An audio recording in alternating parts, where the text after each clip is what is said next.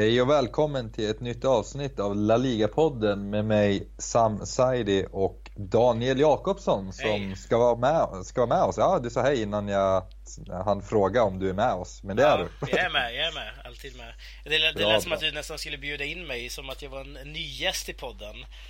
Ja, Det ja. är man ju inte riktigt. Nej, det är du ju inte så givetvis och eh, ja, om du inte vill så kan vi ju, kan, för lyssnarna ska vi kan ju upprepa ditt favoritlag, vad du heter.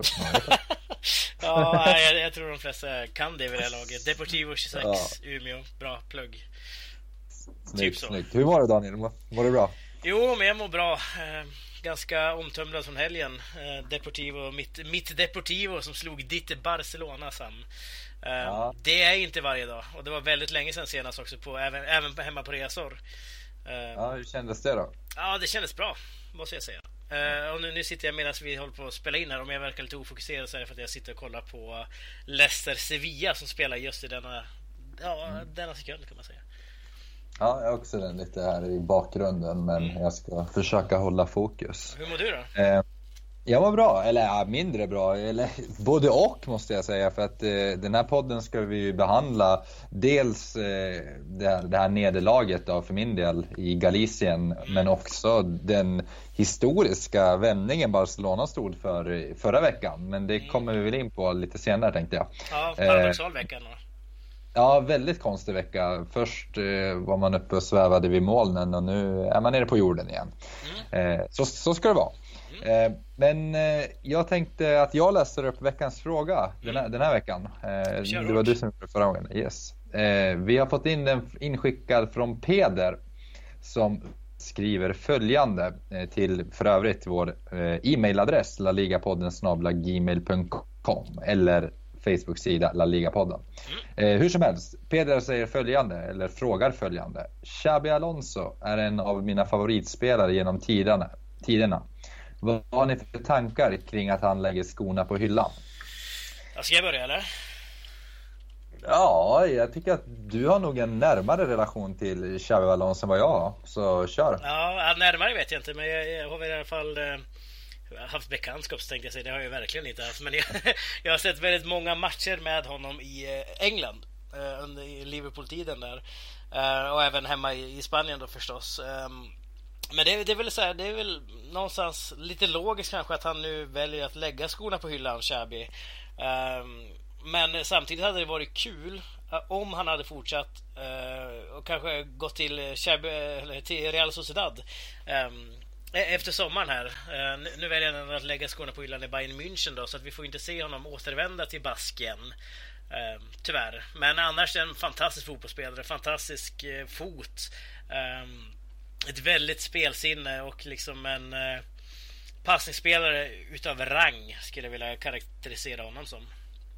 Mm, jag kommer ihåg det för tio år sedan, jag tror jag VM, ja det blir 11 år sedan, VM 2006 när du och jag stod och i stort sett hade en dispyt i våra yngre dagar om vem som var allra mest eh, passningsskicklig. Du hävdade ju strikt att det var Xabi Alon- Alonso medan jag höll fast vid Xavi Hernandez. Eh, jag vet inte om du har ändrat din åsikt där. Jag håller Ja. fort, fortfarande, fortfarande fast vid att det är Xavi. Jo, men alltså det, det är klart att eh, snackar vi liksom tiki-taka, korta, kortpassningsspel. Eh, då hade jag tagit Xavi. Alltså om jag skulle ha en five ett five aside-lag skulle jag ta Xavi Hernandez alla dagar i veckan. Um, skulle jag däremot vilja sikta på längre bollar över en backlinje, säg 40, 50, 60 minuters passningar. eh, då hade jag nog tagit Xavi. Tror jag. Mm. Lite mer säkerhet där.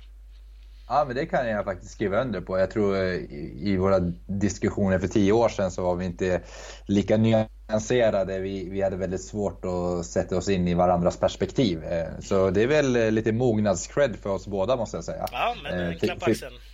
Ja, verkligen. För jag, jag delar definitivt. Där är vi ju ense. Jag håller med om att Xavi är bättre i, det, i, det, i passningsspelet. Mm. Hallå, försvann, försvann jag nu eller? Eh, nej, du är kvar. Nej, okej. Ja. Eh, och eh, apropå frågan så håller jag med. Det känns lite så här eh, vemodigt på något sätt. Eh, han är ändå en spelare som alltid har funnits där. Man har liksom alltid haft koll på Xhaba Alonso de senaste, ja men låt säga 10-12 åren. Eh, och han har ju haft en fantastisk karriär och eh, jag kommer ju framförallt ihåg honom i Liverpool och Real Madrid då. Men ja, han var ju med i den här historiska vändningen i, i Istanbul och spelade en nyckel, nyckelroll i ja, den verkligen. vändningen. Gjorde ju 3-3 målet där också. Ja, filmade till sig en straff också. Ja, det var väl den gode Stevie G. uh, ja, just det. Stevie G var det som filmade, eller? Ja. Uh, ja, det var en lätt touch där, men det kanske vi kan komma till på PSG-matchen som jag tänkte att vi kan hoppa över direkt till nu då, apropå en lätt touch och falla och få en viktig straff. Ja, precis. Utveckla.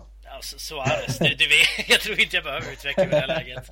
Du vet väl exakt vad jag menar där. Va, va, jag vet inte, alltså jag har svårt att sätta ord på faktiskt vad jag tycker om hela den här incidenten. Det har ju blivit väldigt ramaskri efteråt och det är ju många som vill, liksom, som man känner som vill komma fram och diskutera den här situationen. Eh, men jag har inte så mycket att säga, så det, är så här, det, det tillhör någonstans fotbollen att man faller som Suarez gör nu för tiden. Eh, sen finns det ju många kameravinklar som visar att han fick den här touchen som kanske krävdes för att gå i backen och så vidare. Men jag vet inte, allting känns så hypotetiskt.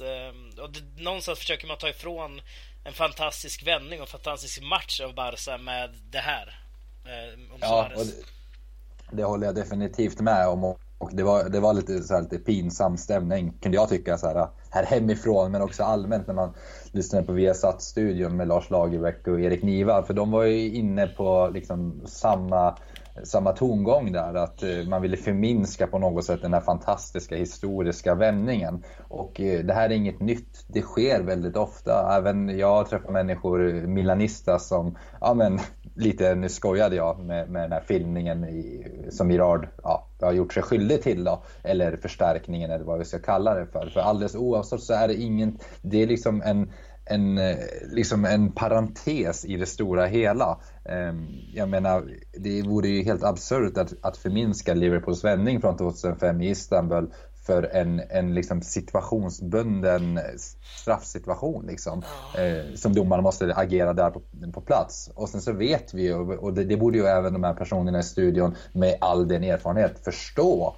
att det här är ju saker som är helt omöjliga att kontrollera Eh, Erik Niva hade ett väldigt bra resonemang om, eh, kring det när, när han började prata om problematiken med videokameror och så. Att även där kommer det i slutändan komma till sin spets där man måste bedöma vad som är tillräcklig touch och vad som inte är tillräcklig touch. Och det är ju väldigt relativt.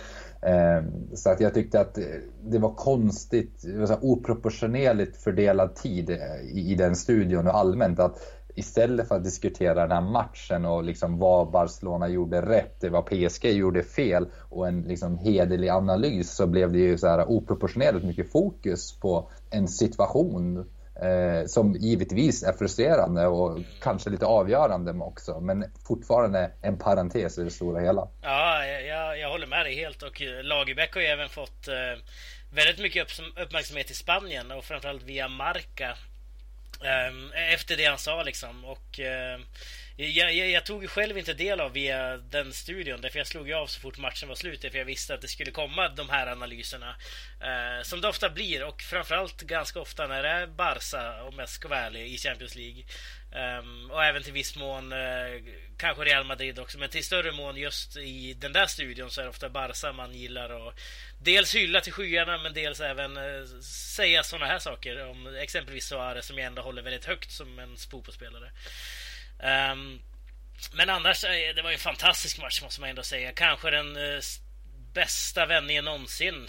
Jag håller ju Istanbul högre såklart, men den här är absolut topp top två, topp tre. Om, ja, om man bara ska kolla på liksom vändningar och liksom comebacks och så vidare. Ja, det är ju definitivt den mäktigaste vändningen beroende på vad man lägger det, i, i det ordet såklart. Men eh, det är klart att Istanbul-matchen är ju speciell med tanke på att det var en final och på sättet det skedde och så.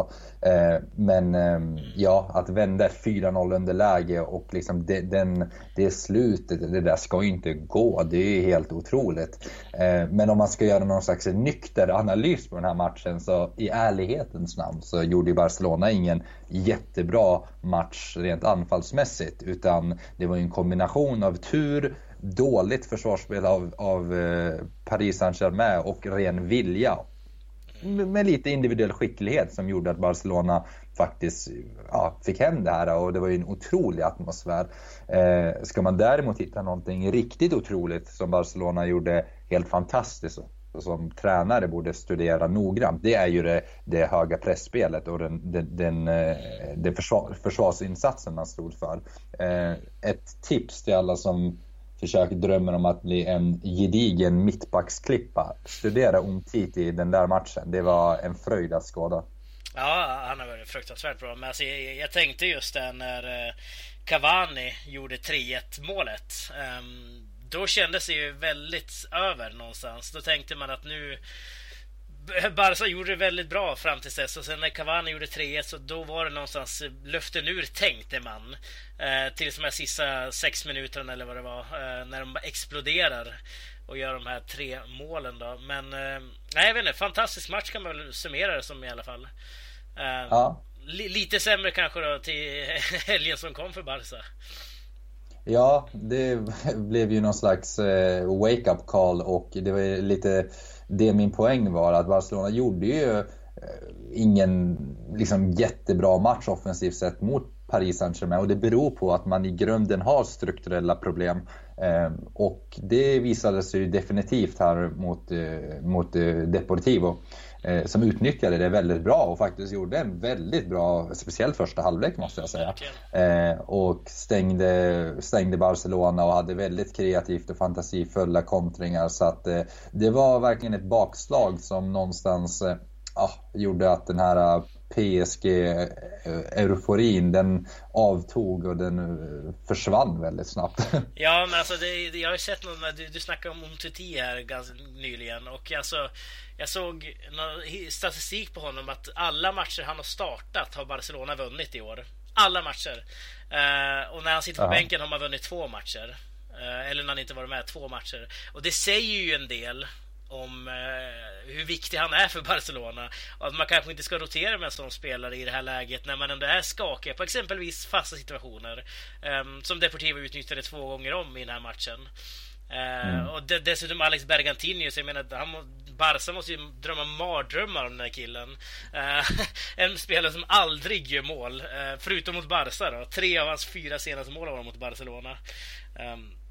Så att det är en fantastisk match. Jag tyckte det var väldigt roligt och framförallt att se den här Pepe Mell-effekten som håller i sig i Depor också. Uh, det är ett annat glöd i den klubben just nu. och Barca, mm. de ja, vart tagna på sängen kan man väl säga. Verkligen. Pepe Mel startar ju eh, fantastiskt i Deportivo och eh, jag, jag håller med. Bergantin, hans löftspel, Bergantini, det, det är ju, eller huvudspel, där hade ju Umtiti verkligen behövts. Mm. Eh, för det är ju mitt, visst Piqué är också viktig i luftrummet, men just att Umtiti tillsammans med Piqué är ju, gör ju Barcelona mycket starkare. Så att, eh, jag tycker fokus bör ändå ligga på Depors insatser, för den var perfekt på, mm, ja, men... på många sätt. Ja, verkligen. Alltså jag kan tycka ja. som när Kakuta kommer in också. Uh, han, han gör ett väldigt bra inhopp, eh, Gail Kakuta. Alltså han springer någonstans sönder Barca i kontringarna. Uh, Bruno Gam är lite långsammare på sitt sätt som uh, högerytter, men Kakuta tyckte jag gjorde väldigt bra. Han har inte riktigt fått chansen nu. Um, han har ju gjort lite inhopp och sådär, men aldrig liksom fått chansen uh, att visa upp sig på det sättet som man kanske gjorde mot Barca. Så jag hoppas att han får mer speltid nu. Och uh, Sherman Lux också, målvakten, gjorde ju fantastiskt bra. Uh, en spelare som har varit ifrågasatt uh, sen han kom till Deportivo för fem säsonger sedan ungefär.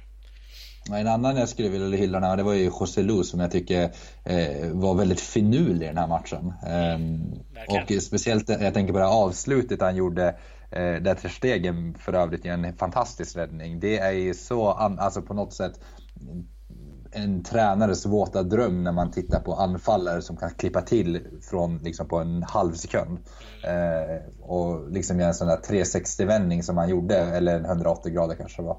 Eh, och bara och dräpa till. Så att, ja, jag, var, jag måste säga att jag var jätteimponerad av Depors matchplan. Där ska Pepe Mel ha jättemycket cred.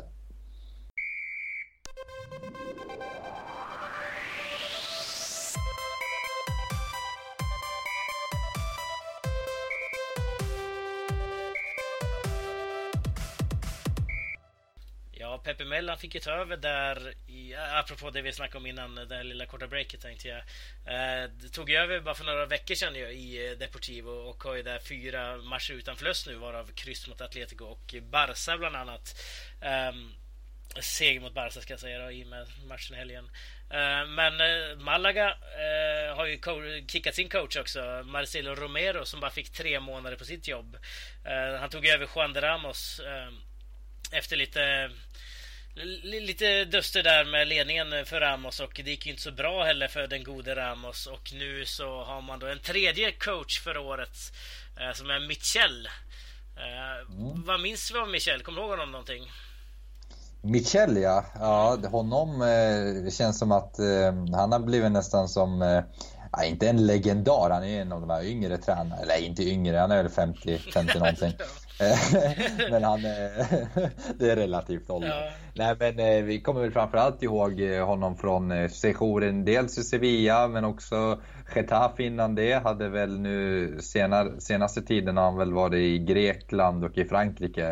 Jag kommer inte ihåg exakt vilka han var i Frankrike, var det Marseille han var i? Ja, ja just det.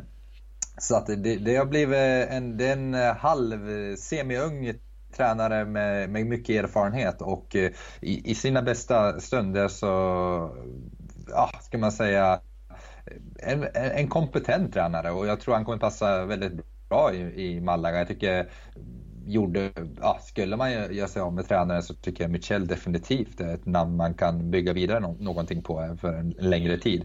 Nu fick man ju tyvärr en ganska, eller fick Michel en tråkig start på den här sessionen med ett sent baklängesmål i, i, mot Deportivo Alaves som innebar förlust. Så det blev ingen Pepe Mell-effekt men eh, ja, det blev i alla fall en start. ja, det kan man ju säga att det var. Uh, kanske inte den starten han ville ha eller liksom Malaga ville ha, men det var ju start i alla fall. Uh, ja. Men annars, jag menar, han har ändå vunnit två uh, ligatitlar med Olympiakos. Um, det, det, är alltid någonting. Man slog ut United där ur Champions League, eller om de var nära. Jag kommer inte riktigt ihåg, det var några år sedan nu. Um, fick sparken ja, från Marseille nu senast. Um, för, för ett, ett år sedan ungefär när han uh, bråkade lite grann med ledningen och vägrade träna och så vidare. Så det var lite kaos där. Han tog över från Bielsa i Marseille också. Bielsa lämnade väl efter en vecka tror jag. Eller sånt där. Eh, så att, ja, men det är spännande ändå. Alltså, Malaga har ju gått väldigt, väldigt, väldigt trögt senaste tiden. Alltså under eh, eh, Romero så fick de ju bara en seger exempelvis. Eh, så de behöver väl få in lite nytt blod där i alla fall och det, det är ju den här tränaren man får ha resten av säsongen nu då, i och med att man inte får ha mer än tre tränare i en klubb i La Liga. Just det. Mm. Ja, nej men eh, vad tror vi då? Nu är det här ju en dålig strike Malaga inne i. Eh, krävs väl en seger mot Leganes i nästa helg? Ja, det skulle ju bara krävas. Men de gjorde det väldigt bra andra sidan Leganes. Tog ju poäng mot Sevilla nu. Um, där har vi ändå ett lag som, alltså, apropå andalusiska klubbar, Malaga är ett av dem och Sevilla är ju huvudstaden där nere i Andalusien. Eh, så har vi ett lag som ändå har gått ifrån en ganska ja, säker titelkandidat till att helt falla bort där nästan. Nu ligger man ju tre poäng efter Barca bara. Eh, men man hade ju faktiskt varit i topp av den här ligan om man hade vunnit sina de här två matcherna man har kryssat eh, mot Alaves och ja. Leganes. Ja, och det är väl ända sen, oj, var det för match vi blev så förbannade över när, när Sevilla tappade poäng. Jag tror det var uppe i Galicien till och med. Nej, jag kommer inte ihåg. Ja, de vann mot det. Eh, ja, det gjorde de kanske. Ja, det var någon match de tappade, det kanske var Osasuna. Eh, Ja, det kan ha varit Osasuna man tappade poäng borta. Jag kommer inte ihåg. Det var någon match vi satt och grubblade att det, det, är, det, här, det är så typiskt att här har vi ett lag som ja, men hänger med toppen och sen så kommer det en match som ska vara självklar seger och sen förmår man inte att vinna en sådan match och hänga med i den här toppstriden. Och det får väl känneteckna Sevilla här eh, som för övrigt ligger under nu mot Leicester va? Mm, precis, 1-0 till Leicester just nu. Ja, precis. Och nu får hoppas att det där inte håller i sig. Men alldeles eh, oavsett så, så de är intressanta. San Pauli har gjort ett fantastiskt jobb men de är ju inte det här topplaget just för att de ja, kan falla väldigt enkelt och oväntat. Eh, nu gör ju i och för sig också Barcelona och Real Madrid det stundtals men inte på samma sätt som, som Sevilla gör. Eh, vilket också är skillnaden till varför de inte känns så farliga i toppstriden även om de inte är så långt efter. Det är i alla fall min känsla. Nej precis, sen har vi också ett Real Madrid. Du, du skrev ju till mig under den här Galicien-matchen. Alltså, nu tappar jag bort jag kollar för mycket på den här matchen känner jag. Men Deportivos seger mot Barca så smsade du mig och sa att Grattis, ni gav ligaguldet till Real Madrid just. Så jag menar, vi har ju ändå ett Real Madrid som som, som ligger under mot Betis också men ändå vinner en sån match. Och, mm. Trots den här enorma tavlan som ändå Navas gör. Uh, och han uh, revanscherar ju sen och gör en gudomlig räddning i slutminuterna istället. Um, Just det. Så att, men Real Madrid, jag vet inte. Det, det, känns inte som att något lag kan rubba dem i år. Även om de har varit lite halvskakig de senaste veckorna. Nej, och det, det är ju den här vinnarmoralen som är så ingjutet i, i Zidans Real Madrid, men även till viss del Ancelottis Real Madrid, där, där, där de vägrar förlora, att de i stort sett bryter ner motståndarna med, med starka forceringar. Sen har de ju Sergio Ramos som är, ja, kanske vår tids, en av, ja, en av vår tids absolut bästa försvarare och då menar jag inte nödvändigtvis på att försvara utan faktiskt bara det faktum att han är försvarare. Han är ju mer fantastisk i, i det offensiva spelet känns det som. Och eh, jag, jag, kan inte komma ihåg senast jag, en mittback har varit så avgörande för ett lag eh, på, så, ja, men på så kort tid och under, samtidigt under en ganska lång period. Eh, paradoxalt nog. Ja. Eh, och, i så, och i så viktiga matcher. Precis, det skulle väl att, vara eh, Fernando Hierro möjligtvis. Men han tog ju frispark och det var defensiv mittfältare ganska ofta också. Liksom. Och straffar ja, för den delen. Men alltså Ramos, det han gör på de här hörnorna, alltså det är, vi, vi skämtar lite grann om det att varför plockar man inte bara bort honom, sätta upp en axel eller någonting liksom, eller en armbåge. Uh, men han måste ju göra någonting väldigt, väldigt rätt i de här situationerna. Uh, mm. Med tanke på att han alltid kommer till de här lägena och alltid uh, får en så avgörande roll. För jag menar, han är ju alltid där. Och så fort den här bollen kommer in, det, det är bara att kolla på Napoli i helgen, i veckan. Eller som mot Betis nu när han avgör. Alltså han, Finns det någon hetare i boxen än han i världen? Jag tror inte det. Nej, det är en... Eh, man undrar ju... Ja, absolut. Varför inte? Om, det, om en försvarare inte kan vinna bara av det faktum att personen försvarar väl så måste väl det här eh, kan inte en försvarare vinna när man dessutom är en så gedig, en så fantastisk målskytt och en boxspelare och som dessutom har ja, i stort sett bokstavligen nickat två CL-guld och, och, kanske ett ligaguld nu då. För att i sanningens namn så är det ju Ramos som har gett Real Madrid det här försprånget. Dels sena kvittering mot Barca men också många sådana här sista minuten segrar som den i helgen mot Betis. Så att eh, ja, jag skulle inte eh, liksom säga att det vore en skandal om Sergio Ramos vann en Ballon d'Or. Eller vad, vad, säger du? Nej nej, jag lyfter ju den så jag håller ju med dig såklart. Ja. Uh, han har ändå gjort i ligan lika många mål som Bale och Benzema, alltså sju stycken. Uh, så det säger ju en del om hur uh, hur viktig han ändå är för Real Madrid, inte bara defensiv utan offensiv också i och med att han kommer där. Och så har vi Tony Kroos på det Eh, med sina fantastiska hörnor. Han leder assistligan nu och det är väl uteslutande hörnor han får assist på känns det som. Eh, ja. 10 assist. Och det ska man ju komma ihåg att eh, Sergio, du frågade vad som, men vad gör han så himla rätt Sergio Ramos? Ett, givetvis så handlar det om att hans eh, timing, timing och huvudspel eh, håller ju yppersta världsklass. Han har ju ett fantastiskt rörelsemönster. Men det förutsätter ju också att det finns en hörnskytt, att, en, att man har en bra hörnläggare. Och Real Madrid kanske till och med har världens bästa hörnläggare i dagsläget i Tony Kroos. Så att det är ju en kombination av Kroos hörner och Sergio Ramos skicklighet som gör att detta blir möjligt. Så att eh, absolut viktigt, viktig poäng du lägger in där att Toni Kroos får inte eh, glömmas bort i det här sammanhanget. Nej precis och det är ju inte bara Ramos han assisterar utan det är även Ronaldo har varit fram på några av hans hörnor och nickat in och de har ju väldigt eh, nickstarka eh, spelare då i Real Madrid måste man säga om man jämför med exempelvis Barcelona som inte har alls på samma sätt Um, det är bara att kolla på El Clasico, då är han ju framme igen Ramos liksom. Så han kliver ofta fram i de här viktiga, viktiga lägena också i många matcher. Um, och så... så ja, kör. Ja, for, nej, kör, fortsätt, fortsätt du. Nej, jag tänkte byta, byta till Navas, men eh, kör om du med på Ramos när du är inne på Ja, nej, eller i Nav, kanske inte nödvändigtvis Ramos, men just det här med huvudspelet. Kan vi komma på något något lag i Europa eller i världen som är lika starka som Real Madrid i, i boxspelet och i huvudspelet och i kombination med fantastiska leveranser från kanterna. Dels Toni Kroos men också Marcelo och Car Carvajal har ju stått för fina inlägg. Jag kan inte komma på något något lag som kan matcha Real i, på den fronten riktigt just nu. Nej, nej, inte jag heller. Alltså, det är väl det som kanske karaktäriserar det här laget, det här Real Madrid-upplagan mest. Eh, det är väl de här liksom eh, flacka inläggen mot eh, mot bortre eller in mot straffområdet som liksom gör som öppnar upp ytor många gånger för de här spelarna och det behöver inte bara vara som du säger. Det kan ju vara ytterbackar exempelvis som kommer in med de här inläggen och skapar lägen. Ehm, och det gör dem väldigt svåra att möta Real Madrid många gånger. När de har så onaturligt spel tänkte jag säga. Nej, men så, man vet inte riktigt vad, hur de ska anfalla. Uh, går de med djupled, går de på inlägg och så vidare.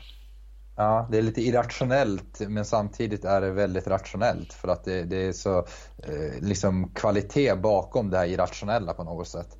Eh, så att, äh, det, det, är eh, en fröjd att skåda i sina, i sina bästa stunder måste jag säga. Det är mycket skolboken. Ja men verkligen. Men jag, jag tänkte bara så innan vi liksom ehm, bryter det för tiden börjar rinna iväg som den alltid gör när vi snackar. Eh, så har vi Killer Navas som enligt Marca i alla fall som jag läste, han, de, de ser honom som en akut situation. Det vill säga de måste få bort Killer Navas och lösa målvaktsproblemet. Uh, och då, då, refererar man såklart till den här Betis-incidenten när han gör självmål. Vart det ju till slut också. Ja, jag vet uh, inte vad han sysslade med där riktigt. nej, inte jag heller. Det kändes som uh, Bartes Dudek-räddning ungefär som Eh, en sån här krypare som bara går under honom på något väldigt märkligt sätt. Eh, men han gör ju en fantastisk räddning. Så jag, eh, alltså I slutet så räddar ju ändå en på, tre poäng för Real Madrid. Så jag ser i alla fall inte honom som en akut situation som man måste lösa nu på en gång. Ehm, det, det ryktas ju om det sker fortfarande och Courtois och så vidare. Ehm, men jag tycker att Navas gör det bra i Real Madrid ändå. Ja, han har väl börjat hacka lite här på slutet de senaste månaderna för att eh, Navas har ju varit en vital eh, liksom faktor bakom Real Madrids framgång, speciellt i Europa. Han har gjort väldigt viktiga räddningar och, och gett eh, så här, trygghet där bak. Det är väl nu han har börjat skaka lite och då kommer också kritiken. Så att, eh, nej, det är inget akut problem. Det är det inte. Det är lite överdrivet. Men givetvis så den här taskiga formen kommer väl inte vältajmat nu när det ska avgöras framåt vårkanten. Nej, nej, men det skulle vara kul att se eh, Courtois exempelvis kliva in här. Därför de Gea skulle ju ehm, um, vara var, var surt i många lägen, i alla fall om man är Atletico-supporter, att se de Gea kliva in mellan stolparna på Bernabéu. Men eh, ska man bygga på ett Galactico-lag, det gör man ju inte riktigt på samma sätt längre i Real Madrid. Men då är det väl Courtois kanske som skulle komma in eventuellt och ersätta Navas. Men jag gillar ju Navas å andra sidan. Så. Ja, men eh, jag tänkte apropå Atletico och CL, ska vi ta det i nästa del eller ska vi? Eh, ja, det, det var exakt det vi ska göra faktiskt. För vi, ja, vi måste bryta här. Så att vi kör det direkt mm. Eh, snart.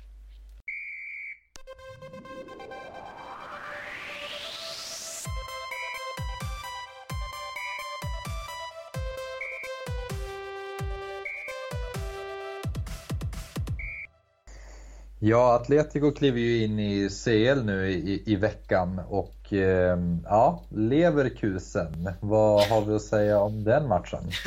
väldigt svenskt uttal ändå på Leverkusen. Le lever, det blir nästan som om kusen lever. Men, ja, eh, Leverkusen ja. säger man väl eller? Ja, Leverkusen. Jag vet ja, ja, ja vad, har vi säga, vad har vi säga om det?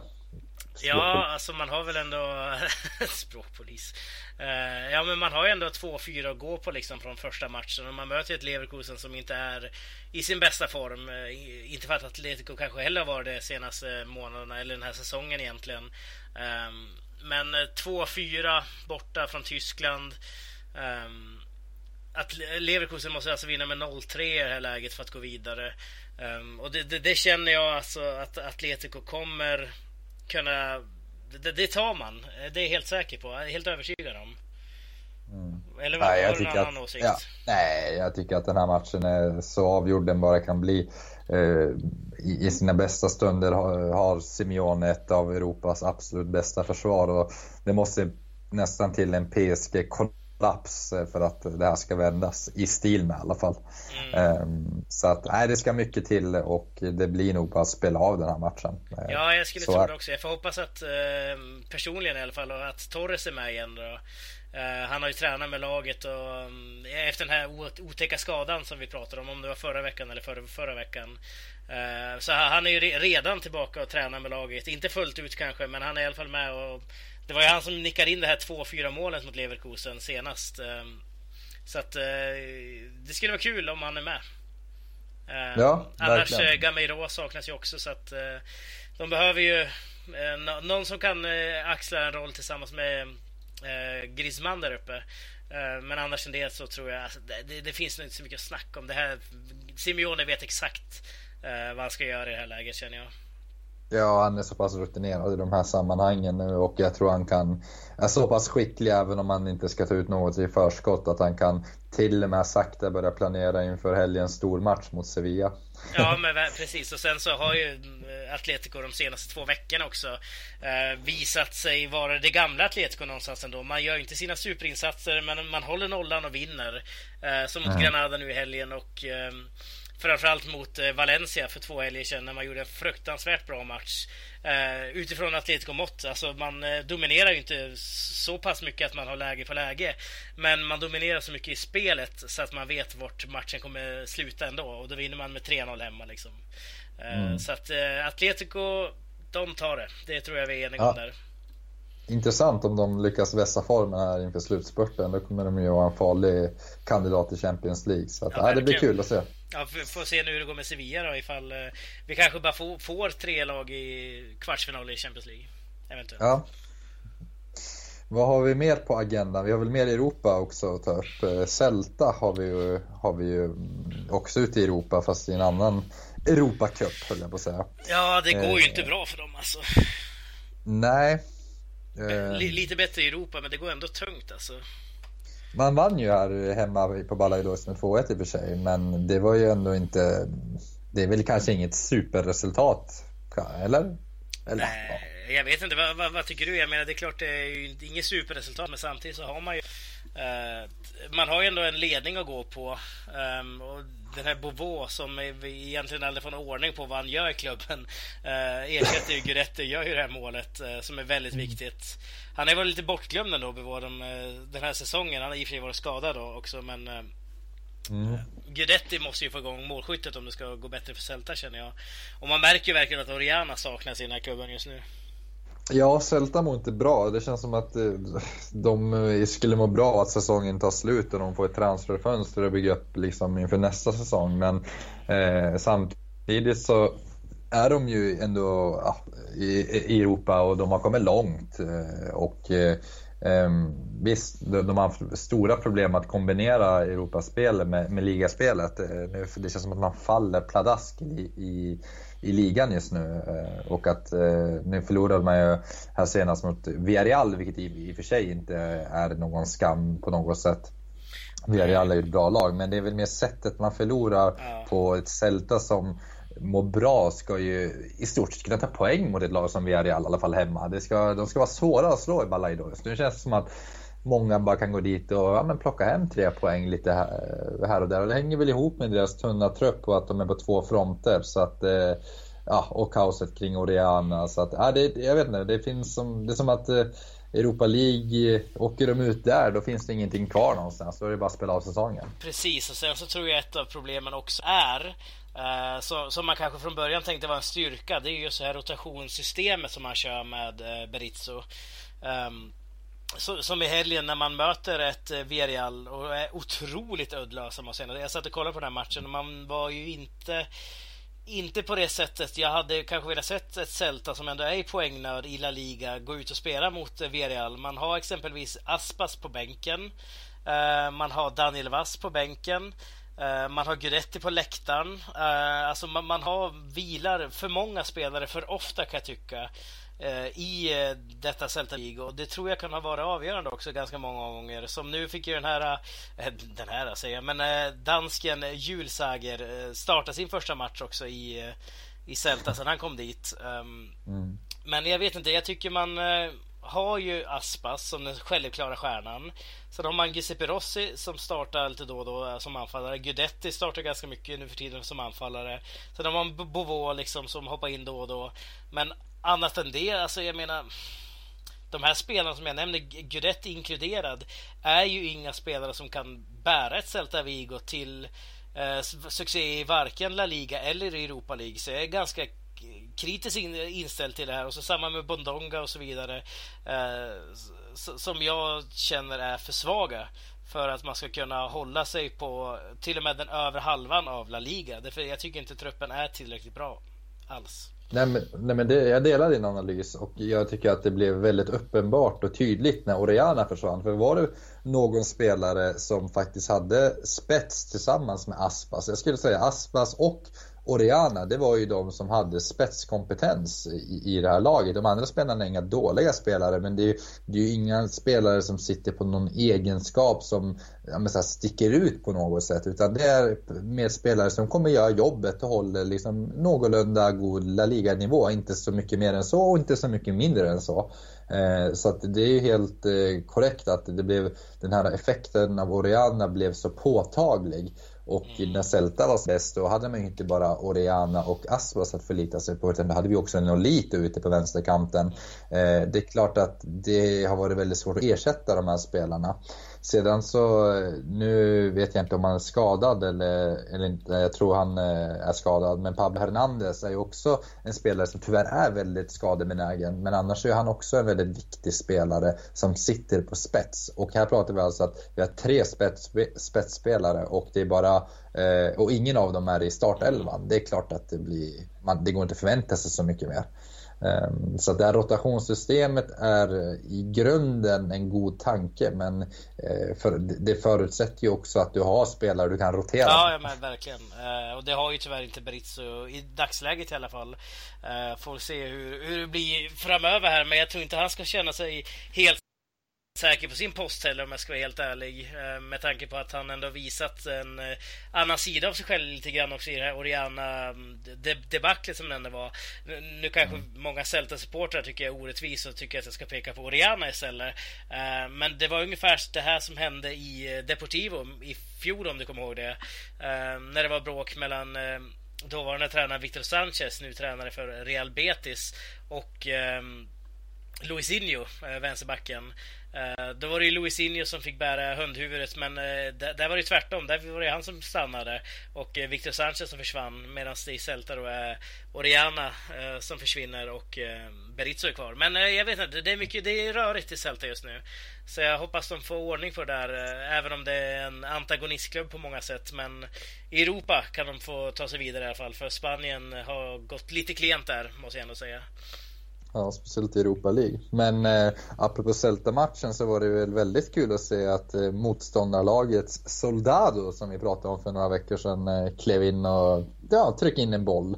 Vilket eh, ja, avgjorde matchen i stort sett. Det var ju exakt vad han gjorde. Så att, ja. Eh, kul med gam gamle Soldado tillbaka i en avgörande roll också. Ja men verkligen. Och det här målet han gör också. Alltså, det är ju ändå en frispark, eller om det var en hörna, nu kommer jag inte riktigt ihåg. Men jag tror det var en, fris jo, det var en frispark som eh, sköts egentligen i ingenmansland eh, på Musacchio som eh, får den i huvudet och den kom, går rakt tillbaka på huvudet på Soldado.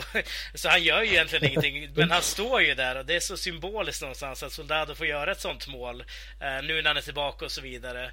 Eh, så det var ju kul att han fick göra eh, mål såklart. Det är hans andra mål på tre matcher nu, vilket ehm, känns lovande för Villarreal som ändå behöver få mål. De behöver ju lite fler mål, men det där, ja, mål, tjuvsmål möjligtvis, men trycka mm. in, ja, kanske, om man så vill. Stå på rätt plats ja. i alla fall, Jan. Ja. Mycket, mycket viktig seger också. Ja, ehm, Haka på jag tänk, Ja, jag tänker att vi ska, jag tänker, ska vi, jag vet inte, det är du som håller tiden här, men eh, ska vi kika lite på veckans match? Eh, vi är väl ja. någonstans där i vårt schema just nu. Det är eh, exakt så. Jag hade inte du sagt det hade jag sagt det, så det var ju bra att vi körde det. Ja, men då så.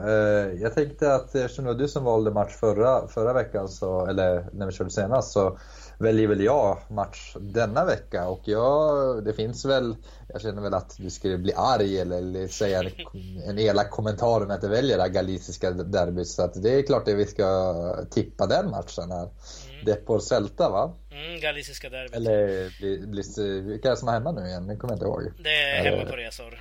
Ja, det är hemma på resor. Ja, ja vad, vad, tror vi där? Du får, eh, du får börja. Ja, ska vi kanske redovisa förra veckans match också? Ja, just det. Ja, som också var ett eh, regionsderby. Då hade vi det baskiska derbyt. Eh, Real Sociedad Athletic ja. Bilbao. Vi, röstade, vi tippade väldigt fel va? Vi tippade väldigt, väldigt fel. Vi kan dra det väldigt kort. Athletic vann i alla fall med 0-2 på Anoeta. Och du tippade 2-1, jag tippade 3-1 till Sociedad. Ja. Så att, det nog om det, vi vi släppte det. Precis. Men vad, vad sa du? Det är på Roselta såklart, galiciska derbyt. Ja. Fantastisk match, måste man ju se om man älskar La Liga. Um, går väl på söndag nu 18.30. Men det, det, är en match som jag tänker att i och med att vi har snackat lite grann här nu om Pepe Mel och hur bra det går för Depor. Eh, och vi har snackat lite grann om Beritz och hur dåligt det går för Celta. Eh, så är det ju bara därför som Celta kommer gå och vinna den här matchen. Eh, men jag tippar ju såklart inte det, utan jag tippar ju utifrån hjärtat här och säger då det är alltid tajt i de här matcherna måste jag tillägga, förutom nu senast i höstas då. Men 2 1 till Depor säger jag. Ja, jag, jag tänker också att Depor vinner, även om jag förstår den här logiken du, du pratar om. Att det är klart det är Celta som kommer bryta den här äh, fantastiska honeymoon hos eh, Pepe Mel. Men eh, Å andra sidan kliver Celta Vigo in i, Europa League nu på torsdag och kommer ha en match i benen. Så jag tror inte man ja, helt enkelt kommer kunna ställa om och vara hundraprocentigt eh, laddade. Eller laddade kommer man vara, men inte fysiskt, i fysiskt skick för att kunna matcha detta Depor i denna form. Så att, eh, jag tror på en, en eh, överkörning med 3-0 till Depor. Mm, snyggt, det kan man hoppas. Mm. Du tror ja. att Pepe Mel-effekten håller i sig ännu en match då? Ja, jag tror nu speedar han upp tempot till och med här och ska utmana om en mittenplacering. Mm, får väl se om vi eh, får lika dåligt betyg den här gången på det regionala derbyt som förra veckan. Ja, just det. Ja, men eh, vad har vi kvar då? Då har vi din veckolista då, Sam. Ja, veck veckolistan. Ja, eh, veckans Faber eh, hittar vi, eh, veckans Tokero ska vi börja med givetvis. Eh, hittar vi i Real Madrid. Och ah, det känns som att när jag satt och kollade på hur många eh, Tokero jag hade delat ut till den här personen var det alldeles för, för, för få. Och det är klart att Ramos måste få en Tokero för sina matchavgörande nickar. Och det är klart att det kanske inte är specifikt den här. Den här väger väl tungt också. Det är ju tre poäng och nu har eh, Real Madrid chansen att dra ifrån i ligan igen. Så att eh, Sergio Ramos för att han bara är så jävla bra. ja, helt rätt. Samtidigt, han skickade också vidare dem i Champions League i veckan, ja, kan vi säga. Just det. Ja, det är också en anledning till varför han får veckans Tokero. Mm. Eh, vi hittade även veckans Faber i samma lag. Ja, visst, Navas gjorde en bra räddning med den här tavlan. Jag måste, det är nästan min plikt att ge honom en, en Faber för den eh, aktionen eller för den... Eh, Icke-aktionen ja. kanske? Ja, icke-aktion. Nej, det var ju en aktion men ja, den var ju väldigt eh, attraktiv på många sätt. Och, eh, ja, så att eh, jag vet inte hur han lyckades. Det var ju nästan en bedrift att eh, fiffla in den här bollen. Jag vet inte vad som hände men Man det ser var... det så sällan nu för tiden tycker jag. Det är mer 90-talsmålvakter ja. som gjorde sånt där. ja, det såg lite komiskt ut i alla fall. Eh, men ja, samtidigt var det väldigt synd om honom. Han såg ju verkligen, han visste ju vilka rubriker det skulle bli efteråt och så. Eh, men kul ändå att han fick, eh, fick revanschera sig på slutet. Men han kommer ändå inte undan och får ta den där utmärkelsen som veckans Faubert. Mm, ja, det låter bra. Jag köper listan. Yes. Även om det hade varit kul om Deppor kanske hade fått Tokiero den här veckan. men nej, det Nej, vi... överlever. Vi går vidare till nästa vecka efter ja. Galiciska derbyt då. Ja, då har de bra chans. Sedan så måste vi skicka några, lite hälsningar till Osasuna som går oerhört tungt. Ja. Eh, hoppas att, eh, ja, för deras fans i alla fall, att man får lite lycka här på slutet för att sessionen i La Liga är väl i stort sett över. Ja, det är nog inte så mycket att snacka om där.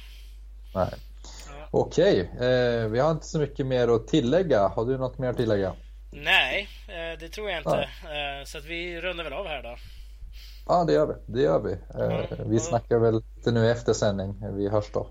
Ja, vi gör det. Men som sagt, gå in ja. på uh, vår La Liga-podden hemsida tänkte jag säga, vår La Liga-podden Facebook i alla fall. Uh, eller skicka mail till oss på laligapodden ja. gmail.com med ämnen, synpunkter, frågor och så vidare. Uh, ja, vi är lite snålt med likes tycker jag, eller hur? Ja, men vi är över hundra i alla fall. ja, jag vet. Vi borde få fler tycker jag. ja, det kommer. Det kommer. ja, det kommer. Det kommer. Ja, men ja. vi avslutar här. Bra. Det gör vi. Hej. Tja.